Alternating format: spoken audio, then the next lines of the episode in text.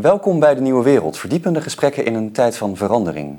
Mijn naam is Wouter Post en vandaag is bij mij te gast Henk Singor, die dit prachtige boek heeft geschreven. Constantinopel en de Eerste Jihad, 633 tot 718. Het overleven van een uh, christelijk Europa in de 7e en 8e eeuw.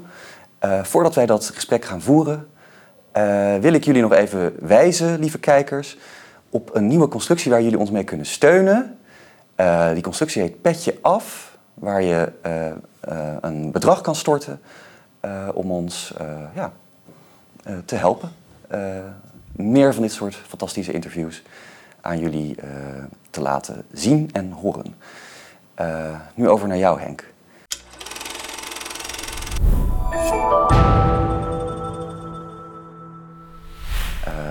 Leuk dat je hier wil zijn. Bedankt dat ik hier kan zijn. Dank. We gaan het hebben over een onderwerp wat als zeer donker kan worden geschetst. Mm -hmm. Het gaat namelijk over de donkerste eeuw misschien wel nou, misschien. Sinds, wat zou je zelf zeggen? Denk je dat dit de donkerste tijd is na de. Nou, het is in elk geval de donkerste eeuw van Byzantium. De donkerste eeuw van Byzantium. Zo die ja. Eh, tweede helft, zevende eeuw, achtste eeuw. Ja. ja. En in Europa eigenlijk ook wel. Ja. ja. ja, In Europa? Ja, West-Europa dan. In West-Europa. ja. Uh, ook in het oosten, denk ik? In, in... in nabij-oosten, in eh, het Midden-Oosten. Ja, iets minder. De hmm. zevende eeuw wel. Het valt op dat er eigenlijk weinig gegevens zijn uit die zevende eeuw. Ook archeologisch niet. Ja. De archeologische gegevens die komen eigenlijk pas zo tweede helft, achtste eeuw. Ja. Soms pas negende. Ja, ja. Het is ook een periode van grote veranderingen. Uh, jouw boek heet niet voor niets Constantinopel en de Eerste Jihad. Mm -hmm. Uh, dus het is ook de periode waarin de islam opkomt. Nou, dat is een precair onderwerp. Ja. Uh, voordat we daarop ingaan, op hoe dat dan tot stand kwam, uh, is het misschien goed voor de kijkers om even een schets te krijgen van de constructie die Byzantium, het rijk wat toen toch in enige mate uh, aan prestige en zeggingskracht en energie verloor, hoe dat zich toen ophield en, en waar het vandaan kwam. Dus misschien ook even de eeuwen daarvoor. Kan je daar iets over Nou ja, Byzantium, dat is de naam die wij historici geven aan het Romeinse Rijk. Ja. De mensen zelf spreken van Romeinen, ze noemen zich Romeinen. En het is dus de voortzetting van het Romeinse Rijk in het oosten. In het westen is het in het loop van de vijfde eeuw verdwenen. Dus in het oosten heb je dan eh, nou, de Balkan en uh, wat het huidige Turkije, uh, Syrië, tot, aan, tot en met Egypte, Noord-Afrika. Dat is dan het Oost-Romeinse Rijk. Oftewel, in onze taalgebruik, de het Byzantijnse Rijk. En dat is anders dan het vroegere Christ, uh, Romeinse Rijk, want het is puur christelijk. Ja. En daarmee alleen al is dan eigenlijk al een enorme culturele breuk uh, teweeggebracht natuurlijk. En verder door allerlei andere veranderingen, immigraties van andere stammen en volkeren, uh, ja, politieke en militaire woelingen, en ga zo maar door, is het ook economisch behoorlijk achteruit gegaan. Ja. Daarbij hoort ook de pest uit de, de tijd van Justinianus, de zesde eeuw, ja. die enorm heeft huisgehouden. Dus je hebt te maken met een, een verarmd en cultureel um, ja, nogal uh, veranderd rijk, dat zichzelf nog steeds Romeins Rijk noemt, maar dat toch zeker in retrospect gezien een heel andere aard heeft gekregen. Ja. En voortdurend bedreigd is dan. En in de zevende eeuw krimpt het enorm. Het ja. dreigt zelfs helemaal ja, ineen te storten. Dat gebeurt dan niet. Het herstelt zich zelfs in de loop van de achtste eeuw. Om dan ja, vanaf de 11e eeuw met nieuwe tegenstanders. Er zijn dan de Turken die dan uit Midden-Azië komen. Uh, weer allerlei andere problemen het hoofd te moeten bieden. En dat is uiteindelijk uitzichtloos. En dan loopt het uit op 1453. Dat is de geschiedenis van Byzantium in kort bestek. Ja, want in 1453 is het Mehmet de Veroveraar ja, die uh, namens de Turkse, Turkse eigenlijk de Osmaanse uh, stam zou je bijna kunnen zeggen. Volgens mij in 1326 door Otman opgericht. Ja. Een aantal kilometers, uh, honderden kilometers ten zuidoosten van Byzantium, als ik het wel heb. Ja, ja. Ik, denk, in Prusa. In Prusa, in, ja. Voormalige Bithynië. Ja, ah, oké. Ja. Ja. Ja. Dus eigenlijk een vrij kleine stam die dan dat grote, of althans dat voorheen zeer grote Byzantijnse Rijk, op dat moment nog een rompstaatje overweldigt. Ja. Uh, wat we in de zesde en zevende eeuw zien, is een situatie waarin dat Byzantium eigenlijk nog best wel krachtig is, ondanks het feit dat het uh, enorm ingekrompen is. Ja. Nou, in de zesde eeuw is het in zekere zin de grote tijd, hè, de tijd van Justinianus. Ja. Die dan uh, heroveringen tot stand brengt. Mm Toen zijn generaals Belisarius en anderen, Noord-Afrika, Italië. Ja. Maar ja, dan komt de grote klap van die beruchte pestepidemie, de echte pest, de zwarte dood, van, 15, van 542 en volgende jaren. En daarna invallen van andere barbaren van over, van over de Donau. Ja, en dan gaat het geleidelijk aan mis. Maar dan komt de grote confrontatie met het Perzische Rijk in het begin van de zevende eeuw. Die zowel de Persen als de Byzantijnen nou, behoorlijk hebben uitgeput, kun je zeggen, die confrontatie. Ja. En die oorlog is nog aan de gang tussen beide partijen, wanneer dan eigenlijk de islam ook op het toneel verschijnt. Ja, ja precies. En dat kun je zelfs enigszins in een, in een jaartal aanwijzen, 622. En dan een jaar of tien later beginnen dan de veroveringen echt van de islam buiten Arabië. Ja. ja. Er zijn een aantal curieuze details die uh, de kijkers misschien uh, wel fascinerend zullen vinden. Namelijk bijvoorbeeld dat het gebied waar Mohammed vandaan kwam, dat dat een gebied was waar uh, de bevolking grotendeels Joods was. Nou, grotendeels wil ik niet zeggen, maar er mm. waren dus een paar plaatsen in mm. Yatrib, ja. Medina, ja. Kaibar, Mhm. En nog twee kleinere plaatsen waar behoorlijk grote Joodse gemeenschappen leefden. Ja, ja, Triep is misschien in oorsprong zelfs een Joodse stad geweest. Maar die is al geleidelijk aan gearabiseerd. Maar de rest van de bewoners van het gebied de Hijaz zijn natuurlijk Arabieren. Ja, dus de Hijaz is het gebied in het uh, westen van het Arabisch Schiereiland. Ja. Volgens mij deels zeer bergachtig, maar ook een laagvlakte. Ja, nou beide. Het is door een, bergen eigenlijk afgesloten van de Rode Zee. Er zijn eigenlijk nauwelijks havens. Hè. Ja. Eén eh, of twee misschien, maar dat stelt niet veel voor, commercieel. Ja. Het is dus het gebied vanaf Mekka zo naar het noordwesten, richting uh, de Sinaï en richting het huidige Jordanië en Israël. En die stad Yatrib waar jij het over hebt, dat is een stad die ook een andere naam kent. Medina. Medina, de, de stad van de profeet. De stad van de profeet, precies. Dus je hebt een gebied wat eigenlijk uh, redelijk achtergesteld is, zou je kunnen zeggen, aan de grenzen van het Romeinse Rijk. Ja, achtergesteld in vergelijking met het Romeinse Rijk misschien. Ja. Niet achtergesteld in vergelijking met andere gebieden in Arabië. Ja. Dat is... Want voor de duidelijkheid, we hebben ook gebieden als Jemen. Eh, waar volgens mij ook eh, op dat moment veel handel is. Er, er, er Zeker, en in Jemen zijn nogal wat Arabieren overgegaan tot het christendom. Dan heb je trouwens ook Joodse nederzetting nog. Ja, ja.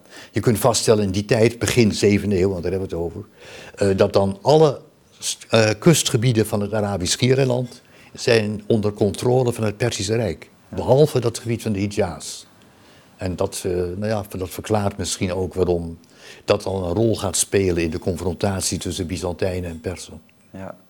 Een confrontatie tussen Byzantijnen en Persen die eigenlijk een ongelofelijke rollercoaster aan uh, ja, uh, wisselingen van lot eigenlijk uh, ziet. Dus je mhm. hebt de keizer Heraklius.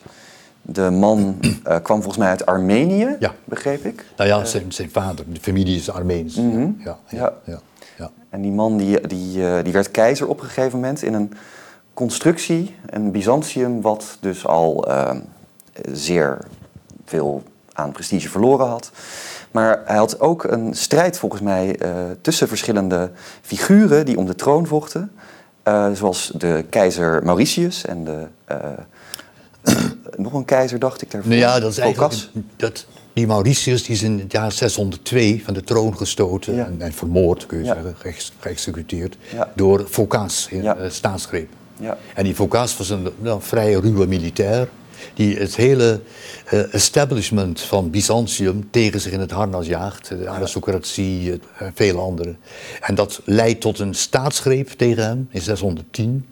En uit die staatsgreep komt dan Heraklius voort. Dat is de man die vanuit het westen komend, uit Carthago, wat toen nog Byzantijns was, met een vloot naar Constantinopel vaart. En ja, eigenlijk de stad zonder veel moeite inneemt. Die Phocas wordt gedood en dan begint de regering van Heraklius. Maar op dat moment is dat Byzantijnse Rijk gewikkeld al, enig jaar al, in een eh, vreselijke oorlog met de Persen.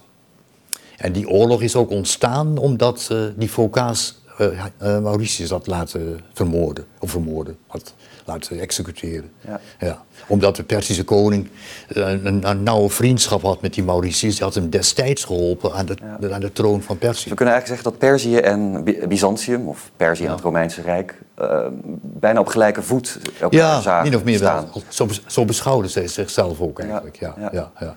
De, de, de, Byzantijnen moesten dat misschien met enige tegenzin toegeven. Want in hun kijk op de wereld was het christelijke rijk per definitie natuurlijk door God uitverkoren om aan de top te staan.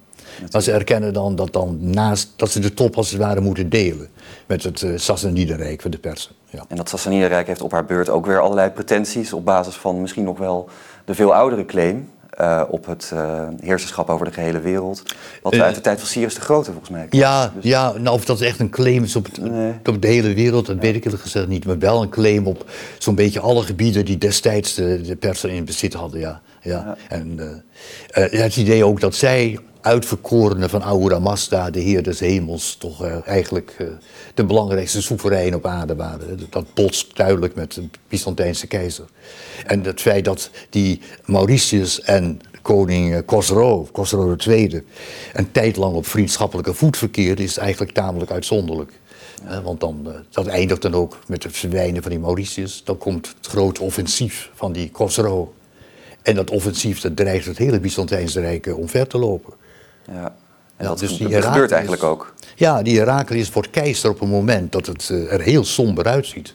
Ja. En sterker nog, het blijft er somber uitzien. Die persen die behalen de ene overwinning naar de andere. Die veroveren Jeruzalem, ze veroveren Egypte, ze bedreigen Constantinopel zelf. Ja, en dan is het in uiterste nood dat die Heraklius probeert een totaal nieuwe strategie te ontwikkelen. Uh, dat was echt uh, een dubbeltje op zijn kant. Namelijk door de Persen aan te vallen via een omweg. Uit een richting die zij absoluut niet verwachten. En als het mislukt was, dan was het het einde van het, van het Byzantijnse Rijk geweest. Maar het is gelukt. En dan krijg je daardoor een verrassende omslag. En uiteindelijk stort het Perzische Rijk in binnen een paar jaar. Ja. En dat begint, dat, dat tegenoffensief van Heraklius, dat begint in 622. Dat is ook met enige fanfare aangekondigd in, in Byzantium zelf. Ja. En anderen, nou ja, die hoorden daarvan.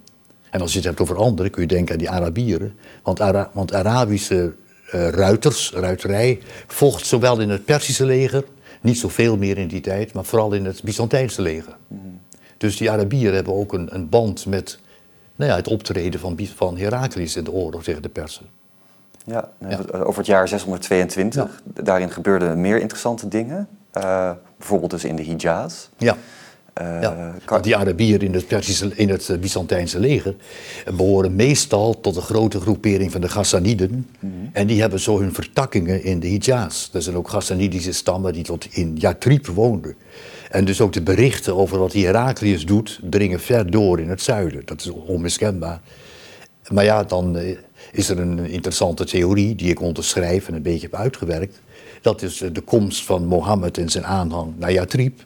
Dat je dat moet zien in het kader van die oorlog. En dat Mohammed is eigenlijk is uitgenodigd om met zijn aanhang een soort van tegenwicht te vormen tegen de Joden daar. Want de Joden zijn per definitie bondgenoten van de Persen. Ja. Eenvoudig omdat zij in het Byzantijnse Rijk werden vervolgd. Ja. Dus die Joden die kijken altijd in zekere zin uit naar de Persen als hun bevrijders. En de Persen wisten dat. En omdat dat gebied in, in Arabië nog net niet door de Persen werd beheerst, ja, uh, bestond de dreiging dat Perzië dat ook in, uh, onder controle zou krijgen. En dan Byzantium helemaal van de, vanuit het zuiden totaal zou afsluiten van de buitenwereld. Het Byzantijnse Rijk. En om dat te voorkomen, en om misschien ook een soort van ja, tegenoffensief tegen de Persen in, mhm. in gang te zetten, is dan opgericht, althans dat is de theorie, hè, die uh, nieuwe gemeenschap in Yatrib. Een religieus, politiek, relig uh, militaire um, vereniging, kun je zeggen. Een nieuw volk, letterlijk, een Oema. Hè, exact. Onder leiding van de profeet. Waarom? Omdat die profeet en zijn aanhang heel uit de verte en heel oppervlakkig gezien wel een beetje op christenen leken. Ja. En uh, vandaar dat dan die Ghassaniden, die meestal, althans het grootste deel van hen, ook christen waren, die zagen daarin potentiële eh, bondgenoten. Om dan in de Hijaz op te treden tegen Mekka. Want de Mekkanen hebben daar hun karavanen en die gaan, gaan richting Syrië. En dat is allemaal op de hand van Perzië. En moeten dus de Persen via Mekka dwars te zitten om de Joden van Yatrib en Kaibar in toom te houden. Want die dreigden ook aan Persische kant op te treden. Wellicht, althans dat kon je vermoeden. Ja. En je moet erbij bedenken dat de Joden een belangrijke groep vormden. In Yatrib alleen al zo'n 10.000, schat men. Dat betekent, want iedereen heeft wapens, vrije mannen hebben wapens. Dat betekent zo'n 2000 gewapende mannen. Ja. Dus het is ook een militaire factor. Dus je hebt ook te maken met een situatie waarin daar in Hijaz de bevolking zichzelf kan bewapenen. En dat in het Byzantijnse Rijk eigenlijk niet zo is. Dat is waar? streng verboden. Ja. En trouwens ook in het Perzische Rijk. In het Byzantijnse Rijk is de bevolking ontwapend. Dat is een heel groot verschil met het eh, klassieke Griekenland of zo. Daar heeft iedereen wapens. Maar in de Romeinse keizertijd begint dat. Dan krijg je dus een duidelijke scheiding tussen het militaire apparaat in handen van de overheid en de bevolking is ontwapend. Er staan strenge straffen op, je mag geen wapens bezitten. Interessante parallel ook met uh, onze tijd in Amerika, waar ja, uh, ja, men wel bewapend is. Wat natuurlijk wel zijn gevolgen heeft als dan die Arabieren uh, aan hun veroveringen beginnen in Syrië, Palestina. Dan is het heel moeilijk om dan snel een soort van militie te vormen om de steden te verdedigen, want men is dat niet gewend, men heeft geen wapens. Men is gewend om zich te schikken naar de, nou ja, naar de beroepsmilitairen. En dat was met de persen daarvoor eigenlijk ook al zo natuurlijk. Uh, bij de persen is dat misschien iets, iets minder nadrukkelijk, maar in feite is het ook zo, ja. ja. ja. is al een hele lange traditie in het oude, in het oude Midden-Oosten. En de enige uitzonderingen, dat zijn dan wat bergvolkeren, bergstammen. Mm. In het uh, uh, ja, gebergte zo tussen Iran en Irak. En natuurlijk in Armenië, Armeniërs. Die daarom ook zo gewild waren als hulptroepen. Want die waren gewend met wapens om te gaan. Dat zie ik in een andere cultuur. Maar het grootste deel van de bevolking is dus eigenlijk puur gedemilitariseerd, uh, ontwapend en daardoor ook passief in die oorlogen. Ze hebben ook weer te maken met een contrast met onze huidige tijd, waarin Libanon en Syrië en Israël, zou je kunnen zeggen, hoog gemilitariseerd zijn. Ja. Terwijl in die tijd de Levant misschien juist een gebied was waar welvaart en wilde en agrarische activiteiten ehm, meer dan nu centraal stonden. Ja, misschien wel. In elk geval sinds de Romeinse uh, uitbreiding, sinds de uitbreiding van de Romeinse macht over dat gebied, is die bevolking niet meer een militaire factor. Dat zijn, ze puur fysiek, pure passief en ondergaan wat de machten boven hun hoofd allemaal. In militaire zin? Ja, in militaire zin. En daardoor in politieke zin. Maar in culturele zin was er toch een enorme rijkdom met mozaïeken en... Uh... ja, zeker. Cultureel, dat is, weer, dat is natuurlijk weer iets anders. Ja, zeker. Ja, ja, ja, ja.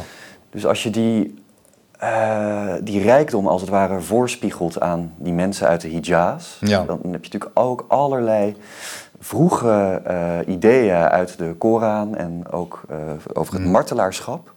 Wat misschien wel samenhangt met de wilde die ja, ja. in de grens te zien was. Ik, ik, weet niet of je kunt zeggen dat dat dan een, een drijfveer is geweest. Maar dat kwam er uiteraard bij. Het is, on, ja, het is ongetwijfeld een drijfveer op het individuele niveau. Dat Arabieren nou ja, graag de, aan de jihad meedoen het ja. tegen het Byzantijnse Rijk en ook later het Persische Rijk, omdat ze daarmee buit kunnen verwerven. Dat is onmiskenbaar een, feit. Maar ik wil niet zeggen dat die Arabische oor, eh, veroveringsoorlogen uitsluitend met het oog daarop zijn gevoerd. Ja. Ik denk dat de primaire drijfveer in 633, hè, maar die lopen misschien een beetje op de geschiedenis al vooruit, maar dat dan de eerste drijfveer toch puur religieus is. Ja. Het is toch de oorlog om uh, ja, de, de religie van Allah te verbreiden. Dat is het idee ook van een jihad. Want, een, want, niet elke oorlog is per definitie een jihad. Een jihad is een oorlog in dienst van Allah. Eh, het woord jihad, dat betekent zoiets als streven, begreep ik? Of, nou, het betekent strijd. Strijd. Ja. En uit strijd kun je afleiden, ook streven, als een soort van metafoor. Of zo. Ja. Ik heb Bernard Lewis erover geconstateerd. Die, die, zegt, die zegt dan strive. Maar, ja, ja, maar goed. Ja, maar dat, dat, dat streven, dat, moet je ons, dat moeten we ons vooral de fysiek voorstellen. Hmm. En, en, ja, je, fysiek en dus. Gewapend in de strijd inspannen. Ja. Want alle, dat heb ik dan begrepen van, van de Arabisten, en dat kan ik niet zelf helemaal beoordelen, maar alle plaatsen waar dat term voorkomt, zowel in de Koran als in de oudste de overleveringen, is het in 90 of meer procent van de gevallen puur oorlog, strijd. Ja. En die andere betekenis van een innerlijke strijd en een innerlijk streven, Ja, dat lijkt toch min of meer daarvan als een soort van metafoor van afgeleid. Hè? Ja, dus je hebt wel een paar paradoxen. Dus je hebt een hoog gemilitariseerde constitutie van grote delen van de bevolking in de Hijaz. Terwijl in het Romeinse Rijk dat eigenlijk niet zo is. Ja. Ondanks het feit dat uh, Heraclius in de decennia voorafgaand aan de veroveringstochten van de islam continu in dat gebied in oorlog was. Jawel, maar dat is dus een, een beroepsleger. Hè? Ja. Dus dan echt daar in dat Byzantijnse Rijk, zoals in het laat Romeinse Rijk, is er een duidelijke kloof tussen burgerij en het militaire apparaat. Ja. Een kloof die er bijvoorbeeld dus niet bestond in, in het klassieke Griekenland. Waar elke burger tegelijk eh, soldaat was in principe. En tegelijkertijd is het ook zo dat Heraklius zelf ook niet de uh, religieuze symboliek vreemd was. Nee, uh, kijk, van hem is bekend, dat wordt ons uitgebreid bericht ook door de kroniekschrijvers, dat hij in 622 dus aan een grote campagne begint.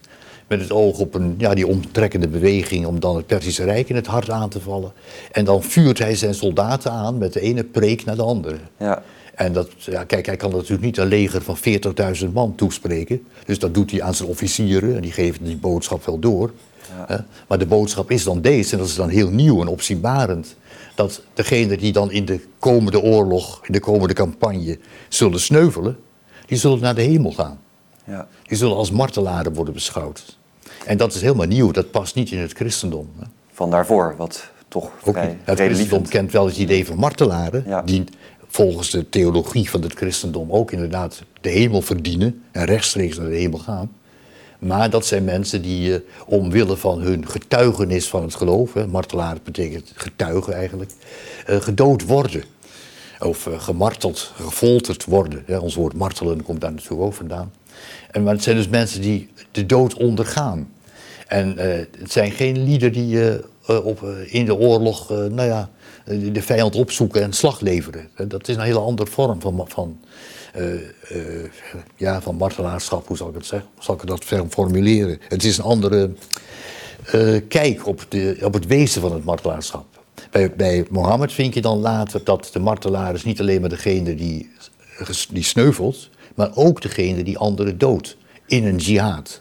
Ja. Alleen in die context, dan geldt dat. Maar goed, die Heraklius is dan iemand die in 622 dat afkondigt. En zoals gezegd, dat is nieuw.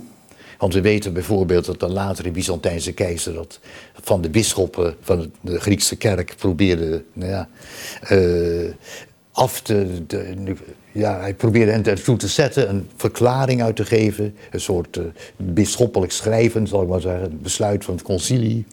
Dat iedereen die sneuvelt in de oorlog tegen de heidenen naar de hemel gaat. Dat is geweigerd, want men vond dat theologisch niet verantwoord. Ja. Maar uh, wanneer dat bericht van Heraklius prediking doordringt in uh, het gebied van de Hijaz bij Mohammed en zijn aanhang, dan zie je heel kort erop dat Mohammed ook dat begint te prediken. En we, dat, we weten dat dat nieuw is, omdat bij de oprichting van die uh, islam, van de Ummah in 622, er is dan een bepaalde oorkonde een stichtingsoorkonde, een document opgesteld. En daarin is sprake van de strijders die in de heilige oorlog op het pad van Allah, en dat kun je dus een heilige oorlog noemen, die op het pad van Allah sneuvelen, die hebben als troost dat hun dood zal worden gewroken hmm. door, de namen, door de anderen. Maar van een, eh, een paradijs uh, wordt niets, uh, niet gesproken. Dan een paar jaar later komt Mohammed opeens, dat is in 624, naar aanleiding van de slag bij Badr, dat is overlevering. Tenminste, dat de versen in de Koran die over het paradijs en het martelaarschap gaan, die dateren van die tijd en later. En dan komt Mohammed ook met de voorstelling van degenen die sneuvelen op het pad van Allah, die gaat naar de hemel. Die zijn niet naar, naar het paradijs. Die zijn niet dood, zoals hij het formuleert, maar die zijn bij Allah. Hm. En dat is een, ja, ik wil niet zeggen dat het daarmee bewezen is dat het, overeen, dat het overgenomen is van uh, Heraklius, maar het, uh, het, ligt er uh, erg dik bovenop. Het zit er dik in. Dus eigenlijk ontstaat natuurlijk in die tijd de dialectiek tussen het christendom en de islam. al voordat de islam zich als zodanig vormde, kan je eigenlijk spreken misschien van in die uh, campagne van Heraklius tegen de Perzen van de eerste kruistocht. Uh, ja, dat, dat, zo wordt het wel genoemd eigenlijk. Ja. Dat, uh, dat, er zit wel veel in, in de, in de letterlijke zin van het woord. Precies. Omdat Heraklius wilde de reliquie van het kruis terughalen. Dus wat was ja. gebeurd? Het, het ware kruis was geroofd door de? Zeker. zeker uit Jeruzalem begreep ik. En... Ja, de, de Persen hadden dus Jeruzalem ingenomen in 614 al. En die hadden dus de reliquie van het kruis, die daarbij bewaard, sinds die zou zijn gevonden in de tijd van Constantijn en zijn moeder Helena, al die legende daarover. En die reliquie werd meegenomen. Mm. En uh, Heraclius, en hij niet alleen uiteraard, maar als keizer, voelde hij dat, uh, voerde hij dat altijd aan als een van de belangrijkste motieven om de oorlog voor te zetten, want dat kruis moest terug naar Jeruzalem. En wanneer dan het, hij het Persische Rijk inderdaad in zijn gedurfde campagnes verslagen heeft, dat is allemaal, ja, dat risico is met veel eh, succes beloond, het risico dat hij nam, dan is de eerste eis, geef dat kruis terug. En dat, dat stuit op eh, de nodige problemen, want niemand kan het vinden. Ja. En hij krijgt dus te horen uit het paleis in Ctesiphon, de Persische hoofdstad, dat men niet weet waar het is. Ja. ja, en dan krijg je een mooie scène dat op een gegeven moment die Persische generaal Chartaras, die uh, eigenlijk allerlei politieke ambities heeft en de steun van Heraklius nodig heeft. En die komt dan opeens tevoorschijn vanuit Egyptisch Alexandrië, waar hij toen was, met een nieuwe prachtige doos van goud met juwelen en daarin stukken hout. En dat wordt bezorgd aan de keizer. Want dit is, uh, en de keizer neemt dat aan, gaat ermee naar Jeruzalem. En de patriarch van Jeruzalem, die uh, bekijkt dat ook. En zegt en verklaart dan dat het inderdaad het reliquie van het Heilige Kruis is. Hoe hij dat kon verklaren, dat is allemaal een beetje moeilijk te zeggen.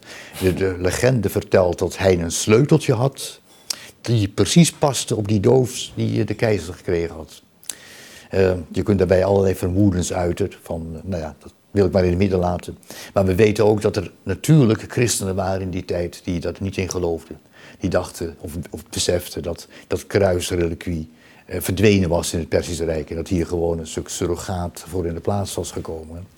Maar hoe dat dacht, in feite is dat niet zo vreselijk belangrijk, want het komt er toch op neer dat iedereen uiteindelijk dat gaat geloven. Zeker de keizer en de hele bevolking. En het wordt dan in triomf naar Constantinopel gebracht. En daarna weer terug naar, naar eh, Jeruzalem. Ja. Bijgezet in de kerk van het Heilige Graf enzovoort. Maar wanneer de, de, de Arabieren dreigen te komen, dan wordt het toch weer bliksemsnel naar Constantinopel gebracht. Dus die wijsheid hadden ze wel, die voorzienigheid. Ja, zeker. Dus de, er is eigenlijk een gigantische show gaande, ook van Heraklius, over zijn geloof. Je kan zeggen dat, dat, dat het een, een, een, soort van illusoire toestand is waar de hele bevolking in gehypnotiseerd wordt. Datzelfde geldt voor de Mohammedanen, zoals ze vroeger genoemd werden in ehm, Nederland. Ja, dus, ja. Uh, Wat trouwens ook een interessant onderscheid is, is dat tussen muslim, wat volgens mij niet per se gelovige betekent. En een ander woord. In oorsprong niet. Kijk, het, de, de, term die gebruikt wordt, dat is uh, dat betekent gelovige. Ja. En als je in de Koran dat gaat uh, turven, het aantal keren dat die termen worden gebruikt, naast een term als moslim, dan blijkt dat uh, de term mu'minun, die komt wel duizend keer voor of nog meer. Dat is de normale aanduiding voor de volgelingen van Mohammed. Gelovigen. En het, ja, in dat document wat ik zo even noemde, die oorkonde waaruit dan de, de Oema is opgericht, uh, blijkt dat tot, tot die Muminoen, tot die gelovigen, ook Joden en christenen kunnen behoren. Dat is heel opmerkelijk. Maar dat is niet uh, langdurig uh, zo, zo gebleven. Want al heel snel, zeker in 623, 24, komt er een breuk met de Joden. En ook christenen worden niet langer beschouwd als de ware gelovigen. Dus dan zie je een, een andere ontwikkeling. En de term moslimoen uh, betekent in oorsprong degene die zich aansluiten bij Mohammed als, als, als bondgenoot in zijn strijd. Uh, die dan weliswaar het geloof van dat Mohammed predikt meestal wel overnemen, meestal, maar niet eens per se. Hè? En die dan toch worden gezien als van iets minder, uh, ja, van iets lagere aard dan de eigenlijke mu'minoen, de eigenlijke gelovigen. Ja.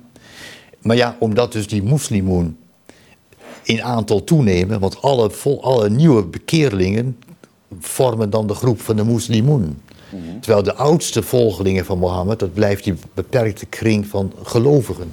Ja, dan kan het op den duur niet uitblijven of de term moslimoen wordt dus moslim, wordt gebruikt voor, al, al, voor iedereen, voor de hele gemeenschap van, dit, van dit nieuwe geloof. Ja. En dat past ook het woord islam bij, hè, de onderwerping. onderwerping ja. en, en het is aan het einde van de zevende eeuw pas trouwens hoor, wanneer dan werkelijk die termen min of meer formeel worden gebruikt als de aanduiding van het geloof en, uh, en de aanhangers daarvan. Dus de golven van Arabische aanvallen op het Byzantijnse Rijk, die beginnen volgens mij in die periode rond 632? Zoiets, 633 meestal, ja. ja. Ja. Misschien 34, daar kun je over twisten. Eind 633, maar onze eerste uh, zekere berichten daarover zijn er 634. Ja, en in die periode worden meestal volgens mij niet steden zozeer aangevallen, maar wordt het platteland een beetje leeggeroofd. En uh, worden daarmee, wordt daarmee geprobeerd de, uh, de, de, steden ook tot overgave te dwingen. Ja, met, met, ja, met toch ja, vrij ja. Uh, ja, nare praktijken die op de plattelandsbewoners worden uitgevoerd om de stedelingen schrik aan te jagen Ja, en tot ja, overgave dat, dat te is wel zo, ja. ja, Ja, en dat, en dat, dat is een strategie die, die, die misschien wel tientallen jaren zo doorgaat. Eerst Ehm, in Palestina, Ja, misschien. Ik weet Syrië daarna ook. Ja. of dat lang doorging na de veroveringen, dat durf ik ook niet te zeggen. Nee. Maar je kunt opmerken dat die Byzantijnen, die hebben betrekkelijk weinig troepen in dat gebied. Ja. En die troepen die ze hebben, die zijn dan geconcentreerd in steden. Mhm. Wat betekent dat als er invallers in het land komen, ja, die beheersen dan vanzelfsprekend het gebied buiten de steden. En die, die, plunderen en verwoesten daar. En om de stedelingen te intimideren, angst aan te jagen, eh, ze tot overgave te bewegen, vinden we een paar keer vermeld in onze bronnen dat die, eh, dat die Arabische invallers dan vreselijk tekeer gaan. En dorpelingen doden, dorpen uit, uitroeien, eh, alles vee meeroven enzovoort. Ja. En En Dat, toch veel mensen in slavernij ook afvoeren. Dus Ja, ik, ik was, ja, ik was ja. niet gechoqueerd door Ja, je boek, ja, moet ik zeggen. ja, ik eh, ik ja. wist wel van deze praktijken. Ja, En, eh, ja. Maar het is misschien voor de kijkers in Nederland wel interessant om eh, de, de, het begin van de islamitische verovering eh, Ja. even in die context te schetsen. Ondanks het feit dat als je kijkt naar een stad als Damascus, waar jij volgens mij ook wel over hebt geschreven, Ja. Dat, daar ook wel weer een bloeiende cultuur dan ontstaat rond Ja. de kalif die daar zitting neemt. Eh, zeker, maar dat is eigenlijk dan pas, nou ja, in de 8e eeuw. Ja. Je kunt zeggen, de eerste eeuw van die veroveringen is tamelijk destructief. Ja. Eh, als je ook naar de literaire overlevering kijkt, naar alle Ja. berichten van verwoestingen. Ehm, archeologisch, dat zei ik al, is er weinig aan te tonen uit de 7e eeuw en begin 8e eeuw. Ja. Eh, weinig van een, eh, een nieuwe opleving of een nieuwe beschaving, noem maar. Ja. En dat geldt ook voor het Byzantijnse gebied. Dat, dat is misschien nog erger. Ja. De duistere tijd dan, hè, van steden die inkrimpen, eh, handelsbewe- handelsbewegingen die niet langer bestaan, althans verstoord, Precies. verminderd. En misschien is het voor de kijkers leuk om Ja. daar even een concreet voorbeeld van Ja. te zien. Dus ik heb wat olielampjes meegenomen Ja. die ik eh, thuis hou. Die ik van een vriend heb gekregen, die een eh, opa uit Tunesië, een Tunesische opa, had. En eh, wat de cultuur van de oudheid karakteriseert is natuurlijk het gebruik van olielampen. Ja. En op een gegeven moment stort dat volgens mij in de periode waar wij nu over aan het spreken Ja. zijn in, toch? Ja, kijk, archeologen vinden dit soort lampjes bij honderden, bij duizenden, overal. Hè, Dat is een bekende, bekende lamp. Maar de- uiteraard afhankelijk van olijfolie. Olijfolie is de basis voor de olie, voor de, dit soort eh, verlichting. En eh, daar komt de klad in, letterlijk. eh, want vanaf de 6e, 7e eeuw neemt de productie ervan enorm af. En in de tijd van de Arabische veroveringen nog veel meer. En zeker ook de, de, de, de handel daarin. En dat betekent dat vele gebieden eigenlijk moeten omzien naar een ander soort van verlichting. Kaarsen komen dan op. Ja. Waskaarsen, vetkaarsen. Ja. Dus de kaars is eigenlijk eh, geassocieerd met de introductie van de middeleeuwen, zou je kunnen zeggen. Eh, In zekere zin wel, ja. De Ja. kaars wordt bij de middeleeuwen. Ja, ja, ja, ja, Ja, fantastisch. Er zijn meer van dit soort details die in jouw boek naar voren komen. Van eh, nou, in ieder geval verplaatsing van economische activiteit en energie. Ja. Een eh, heel mooi detail wat mij bijbleef was de, eh, de manier waarop de Colossus van Rhodes door de islamieten buiten is gemaakt. Ach, ja, ja. Dat is ja. een, eh, een van ja. de zeven wereldwonderen, zoals de kijker ja, misschien weet. Ja, ja, ja. ja, die kolossos die eh, dateert uit de derde eeuw, hè, voor Christus. Ja, zeker. Een reusachtig beeld van de zonnegod Helios bij de Ja. haven. Dat beeld was al binnen een eeuw, geloof ik, neergestort door een aardbeving. Maar het bleef daar gewoon liggen, als een enorme bronzen kolos. Ja. En dat heeft eh, nou, bijna duizend jaar daar zo gelegen. En dan komen in de jaren 60 van de 7e eeuw komen de Arabieren op Rodos. En dan wordt al dat brons dat wordt in stukken gezaagd. En dan vervoerd naar, het, naar, de, naar de, het, uh, de vastwal en verkocht. Het schijnt een schroothandelaar uit een van die steden geweest te zijn. Die, Volgens de overlevering. Die had, meen ik, 900 kamelen nodig of zo. Om, om allemaal dat uh, brons te vervoeren. Ja, dus, je komt daarmee tot een interessante vergelijking tussen de, uh, het heersende paradigma. wat wij toch wel, denk ik, in het Westen nu hebben. van de islamitische beschaving als buitengewoon verlicht. En uh, de manier waarop de Romeinse beschaving afgekalfd is. Ja. Uh, hoe, hoe, kijk jij naar die discussie, als ik mag vragen? Uh, nou ja, uh, buitengewoon verlicht zou ik de islamitische beschaving niet willen noemen. men zegt altijd dat er een, een, gouden eeuw is geweest, hè, pakweg 10e, 11e eeuw, 12e nog. Mm op, en dat, dat de bloeitijd van de Arabische wetenschap. Ja, voor een groot deel is dat wel waar. De bloeitijd van die wetenschap, exacte wetenschap, astronomie en dat soort dingen, medicijnen. Maar voor de rest is het toch niet helemaal te vergelijken met de ja, de cultuur van de Grieks-Romeinse oudheid of van de renaissance en humanisme die wij kennen in Europa. En ja, er bestaat tegenwoordig wel eens een beetje de neiging om alles wat uh, dan in Europa aan moois is voortgekomen na de middeleeuwen of uit de middeleeuwen, de, de nieuwe opleving vanaf de 12e eeuw en de mm renaissance, om dat toe te schrijven aan de invloed van de Arabieren. En dat is naar mijn mening zeer overdreven. Hè. De gedachte bestaat dat die Arabieren de erfenis aan uh, filosofische en wetenschappelijke literatuur uit de oudheid hebben bewaard. En voor een deel is dat ook zo. Er zijn een paar geschriften van enkele auteurs, Ptolemeus, een paar, paar werkjes, die um, inderdaad alleen maar in Arabische vertaling bekend zijn gebleven. Maar het over, overgrote deel niet. En de, en de beste handschriften, de beste en de meest betrouwbare teksten, die zijn rechtstreeks steeds overgeleverd in Constantinopel. Ja. En dus niet in, uh, in het Arabische gebied. En dat betekent ook dat daarom juist dat beleg van Constantinopel en het feit dat Constantinopel niet werd veroverd door de Arabieren in 718 zo cruciaal is. Want we weten dat in die tijd, in, zeven, in de 7e eeuw, begin 8e eeuw, die Arabische veroveraars eigenlijk geen belangstelling hebben voor de, de uh, wetenschappelijke en andere literatuur die daar En hoe weten we dat? We weten dat bijvoorbeeld uit uh, het feit dat ze onbekommerd allerlei bibliotheken in brand steken. uh, met, met, name de grote bibliotheek van Caesarea. Ja, Caesarea lag in, in, de Levant, dacht ik. Ja, in de havenstad was huidige, dat. Ja, in, in ja. het huidige Israël. Ja, ja. ja, ja. En uh, die belangstelling van Arabische kant voor de, de literaire productie van Grieken uit de -hmm. oudheid, mm -hmm. die belangstelling komt eigenlijk pas vanaf na 750 met een nieuwe dynastie, de, van de Abbasiden. En die nieuwe dynastie die heeft duidelijk connecties met Iran. De stichter ervan heeft ook een tijdje in Iran gezeten. Het zijn Iraniërs, maar dan tot de islam bekeerde Iraniërs. Die dan aan het hof in Bagdad, in de nieuwe hoofdstad, een belangrijke rol spelen. En die in, zetten de kalif ertoe aan om uh, nou ja, aandacht te besteden aan de literatuur van de ongelovigen, van de, de Grieken uit de oudheid. En dan begint de belangstelling te komen. Maar die belangstelling blijft altijd beperkt tot natuurwetenschap, logica, uh, wiskunde, dat soort vakken. Niet geschiedschrijving, niet uh, literatuur in onze zin van het woord, of poëzie of wat dan ook. Maar dus een enige beperkte belangstelling, maar die, die was er dus inderdaad. En dan worden die werken uh, ja, betrokken uit Constantinopel, vaak op verzoek. De keizer stuurt dan teksten. Naar Arabië? Ja, als ah. diplomatiek geschenk okay. naar Bagdad. Ja. En die worden dan daar vertaald. Ja. Niet door moslims, maar door de christenen. Nestorianen. Christelijke Arabieren. Ah, ja. ja. Uh, Nestorianen meestal, ja. En, en, die vertalen dat in het, in het Arabisch. En dat is dan de basis voor die Arabische wetenschap. Die dan inderdaad opbloeit. Dat is ja. onmiskenbaar. Dus we hebben te maken ook met een religieus landschap. wat de uh, beschavingsgraad beïnvloedt. Je hebt in het christendom misschien ook even leuk voor mensen te schetsen. een aantal groeperingen hebt de Galkedoniërs, begreep ik. De... Uh, ja, dat zijn de, de orthodoxen, kun je zeggen. Ja. ja. Zo zien we dat nu. Wat wij in het westen de katholieken noemen. In het oosten de orthodoxen. En daar was toen nog geen stigma of uh, schisma tussen. Dus oost en west was dat, er toen niet. Hè? Dat pas in 1054 gekomen. Ja, En, maar we hadden wel weer andere groeperingen. Ja. De Miaphysiten. Nestorianen, Monophysiten. Ja, zeker. Ja.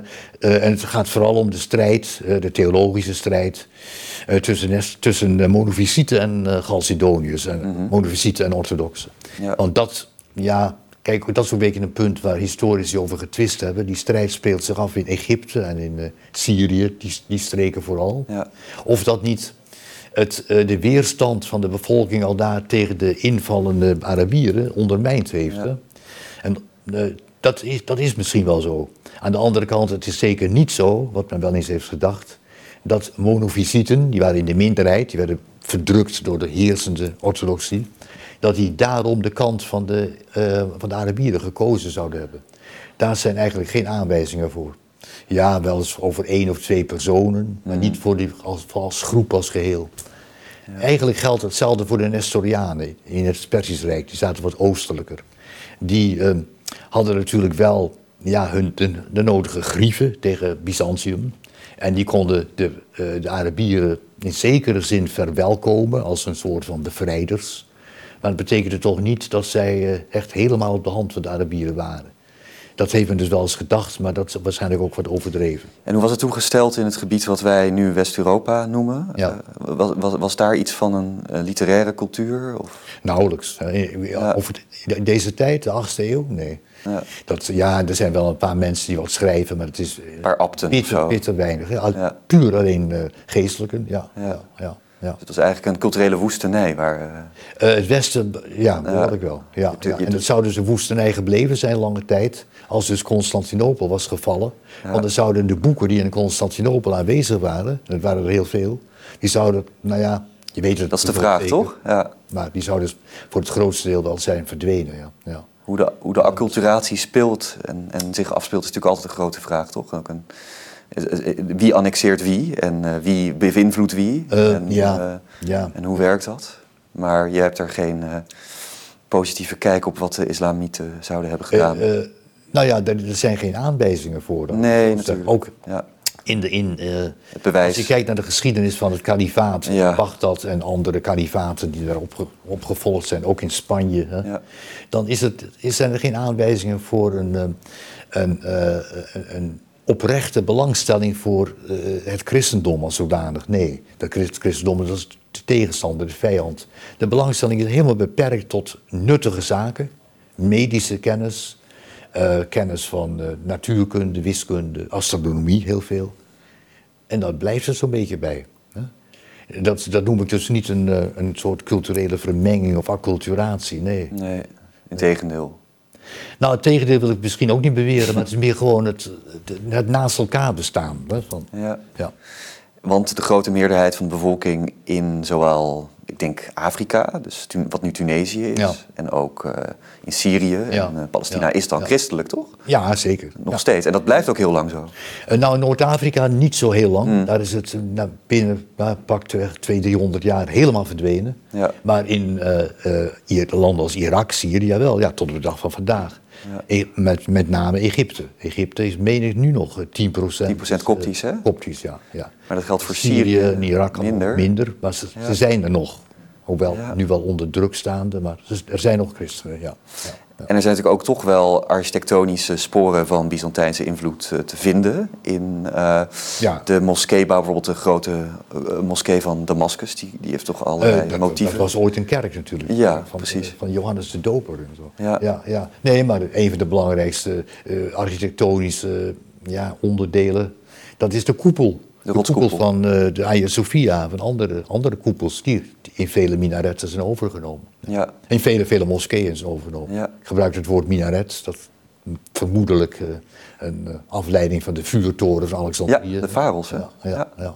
ja. Zo is eigenlijk alles, en ook trouwens de munteenheden van uh, de Arabieren zijn ook af te leiden op Griekse derivaten. Ja, ja, ja. Everything is Greek krijgt een hele nieuwe connotatie in deze context. Ja. Ja. Big fat Greek wedding. Ja, dus de Faros als uh, inspiratiebron voor de Arabieren. Dan hebben we het over de stad Alexandrië. Ja.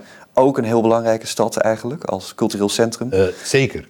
Uh, en jij, dan denkt iedereen aan de bibliotheek. Ja. Die was al verwoest in de tijd dat de Arabieren kwamen. Er zijn wel legenden over de, de, reactie van de Arabieren daar op die bibliotheek, alsof zij het verwoest zouden hebben. de meest bekende legende luidt dat christenen aan de Arabische veroveraar vroegen of hij zo goed zou willen zijn die bibliotheek te sparen. Dan verklaart hij dat hij daarvoor uh, de, de, de kalif moet raadplegen. En kalif Omar, die, die zegt dan, nou ja, als er in die bibliotheek boeken zijn die in strijd zijn met de Koran, dan moet je ze vernietigen. En als ze niet in strijd zijn met de Koran, zijn ze overbodig. Uh, dus in alle gevallen vernietig ze maar. En dat is een, een legende. Dat, is, dat, heeft zich zo absoluut niet voltrokken. Eenvoudig omdat die bibliotheek al niet meer bestond. Ja. Maar dat die legende uh, ja, toch enig geloof kon krijgen, dat heeft wel te maken met het feit dat aanvankelijk de Arabieren geen enkele belangstelling voor die boeken hadden. En dus in diezelfde tijd dat, uh, dat Alexandria wordt veroverd, twee jaar eerder in 640, wordt Caesarea veroverd. En dan wordt die bibliotheek die werkelijk bestond, een hele belangrijke, die wordt helemaal vernietigd, die wordt verbrand. Ja.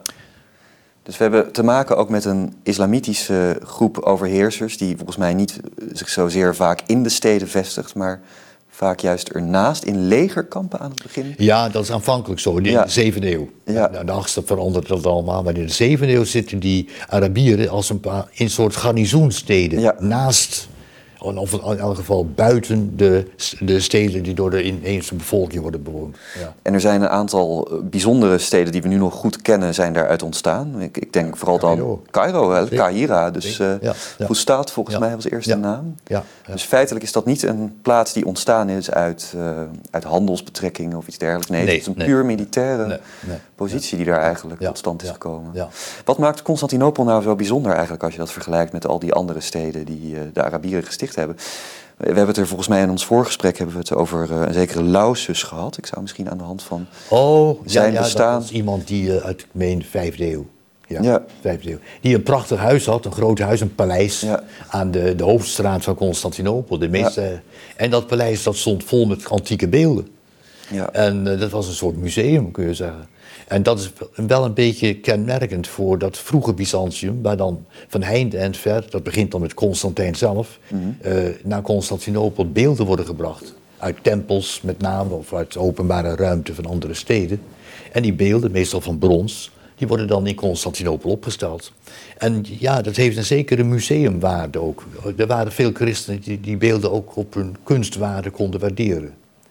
Het opvallende is alleen dat dat langzamerhand verdwijnt. Dat in de loop van de zesde, nou vooral zevende en achtste eeuw, dan krijg je die sombere tijd, uh, er weinig, en nog maar weinig christenen zijn die uh, oog hebben voor die waarde van die beelden. Integendeel, bij de, bij de massa van de bevolking beginnen dan ideeën de ronde te doen, alsof die beelden demonisch zijn of uh, ja, ah. hoe dan ook boosaardig. Ja. En dat leidt ook tot een vernietiging. Of men ziet er soms uh, voorstellingen in van, van bijbelse figuren. Ook merkwaardig, wat natuurlijk uiteraard niet zo was. Maar... De Afrodite van Kniels zou dat lastig zijn geweest, bijvoorbeeld. Ja, uh, ja, ja, ja, Maar dus al die kunst die door Constantijn naar Constantinopel is gebracht, is grotendeels verdwenen, vaak moedwillig kapot gemaakt, omgesmolten tot bronzen munten, zilveren munten. Ehm, in, de, in de loop van de eeuwen tot pakweg nou ja, eigenlijk de hele tijd, tot aan de Venetianen komen. En in de Venetianen en de, in de vierde kruistocht, in 1204, dan is er nog maar bitter weinig over van die oude monumenten. Want de Venetianen bezetten Constantinopel dan? Ja, samen met anderen. En uh, dan, dan plunderen de Venetianen Constantinopel, enigszins. Of enigszins, behoorlijk kun je wel zeggen. En we weten dat ze een aantal dingen meenemen. Die nu nog aan de gevel van de San Marco staan. Precies, ook de quadriga volgens mij toch? paarden, ja. paarden ja. ja absoluut. En het, eh, de porfieren beeld van de, de vier keizers, de tetrarchen en nog wat dingen. Ja. Maar ja, in, dat tijd, in die tijd, 1200, is Constantinopel al een middeleeuwse stad met nog maar heel weinig uh, rest uit de oudheid. En het weinig wat ze hadden, dat verdwijnt dan voor een groot deel. En, en ook herbouwde huizen, denk ik, eh, die paleizen uit de vierde, vijfde, zesde eeuw, die zijn er niet meer. Dat is, dat is, dat en van een heel andere het keizerlijk paleis is ook bijna niks wat er over is als je er nu komt. Dat zijn uh, uh, muziek in de vloeren. Hè? Ja. Ja. Ja, en ja, wat resten van zuilen en zo, maar het is allemaal, allemaal heel weinig. Ja, ja. Dus als de kijker zich Constantinopel voorstelt, dan moet men denken aan een stad, denk ik, met ongeveer 400.000 inwoners in de tijd van Justinianus. Eh, ja. Iets dergelijks. Ja, ja, zoiets. Maar, maar dat, dat golft dan op en neer. Oh, dat, maar het zal nooit meer op dat niveau komen. drastisch achteruit door de, door de pest, hè, later in, de, in, de zesde, in, de, ja, in de zesde eeuw. En door alle politieke onrust en verwikkelingen en uh, economische achteruitgang um, en de belegeringen. Uh, mensen die dat overleven, die hebben dan toch vaak de neiging om dan maar de stad te ontvluchten. Om, om Ja, om niet nog eens een keer een belegering mee te maken, al dat soort dingen. Uh, Constantinopel krimpt, heel letterlijk. Ja. Maar af en toe dan dijt het weer uit, in de tijd dat het Byzantijnse Rijk weer opleeft. Ja. Dus in, de, in de, het hoogtepunt van Byzantium, zo in de middeleeuwen, is pakweg de 10e eeuw, begin 11e eeuw. Dan zal het ook misschien wel een kwart miljoen inwoners gehad hebben. Om dan daarna weer heel snel te dalen. Ja, en in de tijd dat, het, dat de stad door de Turken wordt ingenomen, moet je het eigenlijk voorstellen als een gebied omgeven door muren, met daarbinnen hier en daar wat dorpen. Ja. wat, wat, wat, wat, bewoningskernen en daar allemaal onbebouwd, onbewoond land daartussen. Ja. De muren van Constantinopel zijn ongeveer 6, 7 kilometer lang. Ja. Ja. Omdat dan ook met zo'n... Aan de, aan de landzijde, ja. Met zo'n rompstaatje dan te bewapenen en te verdedigen, dat moet uh, praktisch onmogelijk zijn geweest, zou ik zeggen. Ja. Dus we hebben te maken met een uh, Constantinopel wat uh, dus in die zesde eeuw een beetje de, de grens markeert tussen die twee, ja, ja, in de zevende eeuw ook. Ja, ja. Dus die twee tijdingen, de, de, de, de, hoge cultuur van de oudheid. En de... Ja, niet voor niks is de zesde eeuw uh, inderdaad zo'n beetje de afsluiting van de oudheid, van de oude cultuur. En, en, was er nog een veilige plaats in die, in die zesde en zevende eeuw? Dus uh, ik, ik meen ook dat de hoofdstad van het Byzantijnse Rijk niet altijd Constantinopel was in die tijd? Uh, nou, in de 6e, 7e eeuw, ja. Er is even sprake geweest. Die keizer Heraclius in de oorlog tegen de Persen, die had even gedacht: ik verplaats de residentie naar Carthago. Ja. Daar kwam fel verzet tegen, dat heeft hij toen niet gedaan. Later heeft een andere keizer, Constans, nog even gedacht, waarschijnlijk, om te verhuizen naar Syracuse. Ja. Uh, wat verder. Prachtige stad overigens. Ja, zeker. Ben je er wel eens geweest? Jazeker. Om eens te verhuizen, om wat verder weg te zijn van de Arabieren. Dat is ook allemaal niet doorgegaan. Eigenlijk maar goed ook.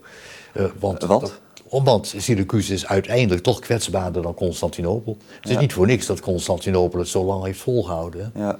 Ja, tot 1453. We, hebben te maken met enorme muren. Ja, dus, de muren van Theodosius uit de vijfde eeuw. En die, die, die, ik, ik was er drie weken geleden nog, dus ik oh, kan er ook wel een anekdote over vertellen. Ja, nee, het, het, is heel indrukwekkend. Ja. Zeven poorten, begrijp ik, of misschien nog wel... Tien, tien, de tien, tien poorten, ja, ja, ja. Muren van 20 meter hoog. Ja. Ja, ja, ja. En nog steeds staand. Hè? Dus, uh, het is ook bijzonder dat in uh, Turkije er eigenlijk geen aandacht aan wordt besteed. Omdat het een remnant natuurlijk is ook van... Ja, ja, ja er is wel het een en ander gerestaureerd, heb ik begrepen. Een beetje ook voor, oh, voor de toeristen natuurlijk. Zeker, sinds kort wel, ja. Ja, sinds kort, ja. ja, ja, uh, In tegenstelling tot de Hagia Sophia, die van museum tot moskee geworden is. grote stukken van het huidige Istanbul binnen de oude stadsmuren, mm waar wel wat aan gerestaureerd zou kunnen worden, als je het zo ziet. En dat doet men kennelijk niet, voorlopig niet. Ja. ja. Integendeel, de Hagia Sophia is weer tot de moskee gemaakt. Dus wat dat betreft is eerder een regressie. Hè? Ja. Nou ja, het is maar hoe je het ziet, maar ik zie dat ook zo inderdaad. Ja, ja. Hoewel, het, ja, het, heeft natuurlijk ook wel wat, hè, dat uh, Erdogan die uh, toch misschien een beetje radicaliseert in deze tijd. En, uh, ja. zeer nationalistisch opstelt, maar dus ook weer beroep doet op die Oema zou je kunnen Zeker, zeggen. ja, hij probeert, hij probeert de nieuwe leider te zijn eigenlijk. Hè? Van de Soenitische, uiteraard de tegenstelling tot Iran, de Shiïtische islam. Van de Soenitische tak is het evident dat, dat Erdogan hoopt of pretendeert daar de belangrijkste figuur te zijn. Uh, dat zal niet gebeuren natuurlijk. Daarvoor zijn de verschillen te groot. Ja, hij moet de verkiezingen ook nog maar winnen. Ja, ja, ook dat. Maar neem al die ehm, al de moslims in uh, Pakistan. Dat zijn er miljoenen, nog veel meer dan in, Turkije. Indonesië. Indonesië. Die zullen niet allemaal zomaar voetstoots uh, Erdogan volgen. Hè. Dat, nee. nee. Dus voorlopig denk ik ook niet dat er een kalif komt.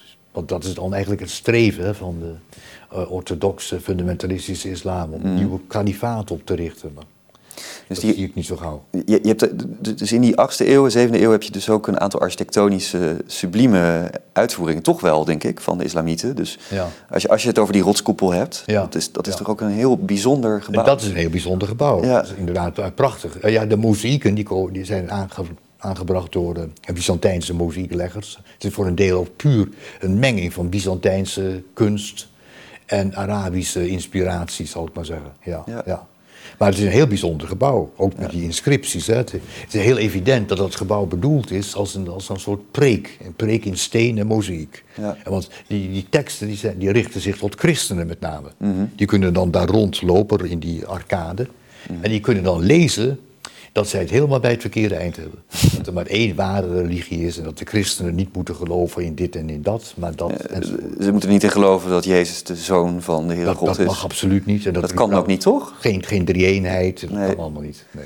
Dus het idee is volgens mij dat uh, Allah geen metgezel kan hebben. Ja, dus dat, is, je kunt zeggen dat is het, het kerngebod van de islam.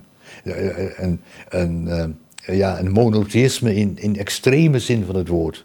Dat er maar één God kan zijn die de allerhoogste is en alle macht heeft. En elke mhm. andere macht naast hem is als het ware een belediging van deze ene God. Want hij moet alles beheersen. Ja. En iemand die uh, een andere God of een andere, ja, een andere kracht naast Allah uh, erkent, laat staan vereert, die maakt zich schuldig aan shirk. Dat is de mhm. ergste zonde die een mens kan bedrijven. Binnen de islam. Binnen de islam. En dat betekent elke christen die, die het heeft over de heilige drie-eenheid. Nou ja, dus per definitie is dat shirk. Hè? Ja, en toch wordt uh, Jezus, of Isa zoals die heet in de islam, wordt wel op handen gedragen. Als, nou, als een profeet. Als een belangrijke Een menselijke profeet. Ja, ja, ja. ja met, met de merkwaardige kant eraan dat hij dus niet is gestorven. Ja. Hij is een van de weinige figuren volgens de islam die geen graf heeft op aarde, maar die rechtstreeks naar Allah is gegaan. Maar weer terug zal komen om dan iedereen tot de islam te bekeren.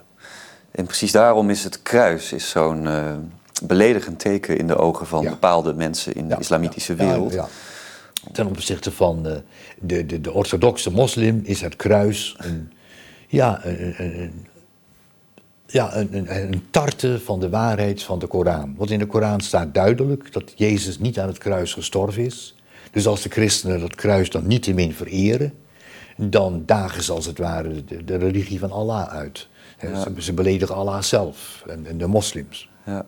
Dus, dat, dus elk kruisteken is een, is, ja, uh, dat, uh, is een object wat een Arabier, wat een moslim per definitie niet kan verdragen, niet kan dulden.